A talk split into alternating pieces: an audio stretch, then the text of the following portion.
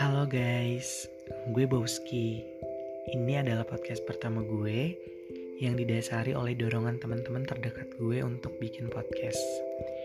Ada satu teman dekat gue bilang kalau dia itu percaya banget sama gue untuk membuat podcast. Karena apa? Kata dia tuh gini, kan cerita lo banyak tuh, terus kan lo suka ngomong, terus kan lo bawel, daripada lo ngebacot doang kenapa sih lo nggak bikin podcast yang nantinya cerita-cerita lo tuh bisa nginspirasi orang-orang yang dengerin podcast lo.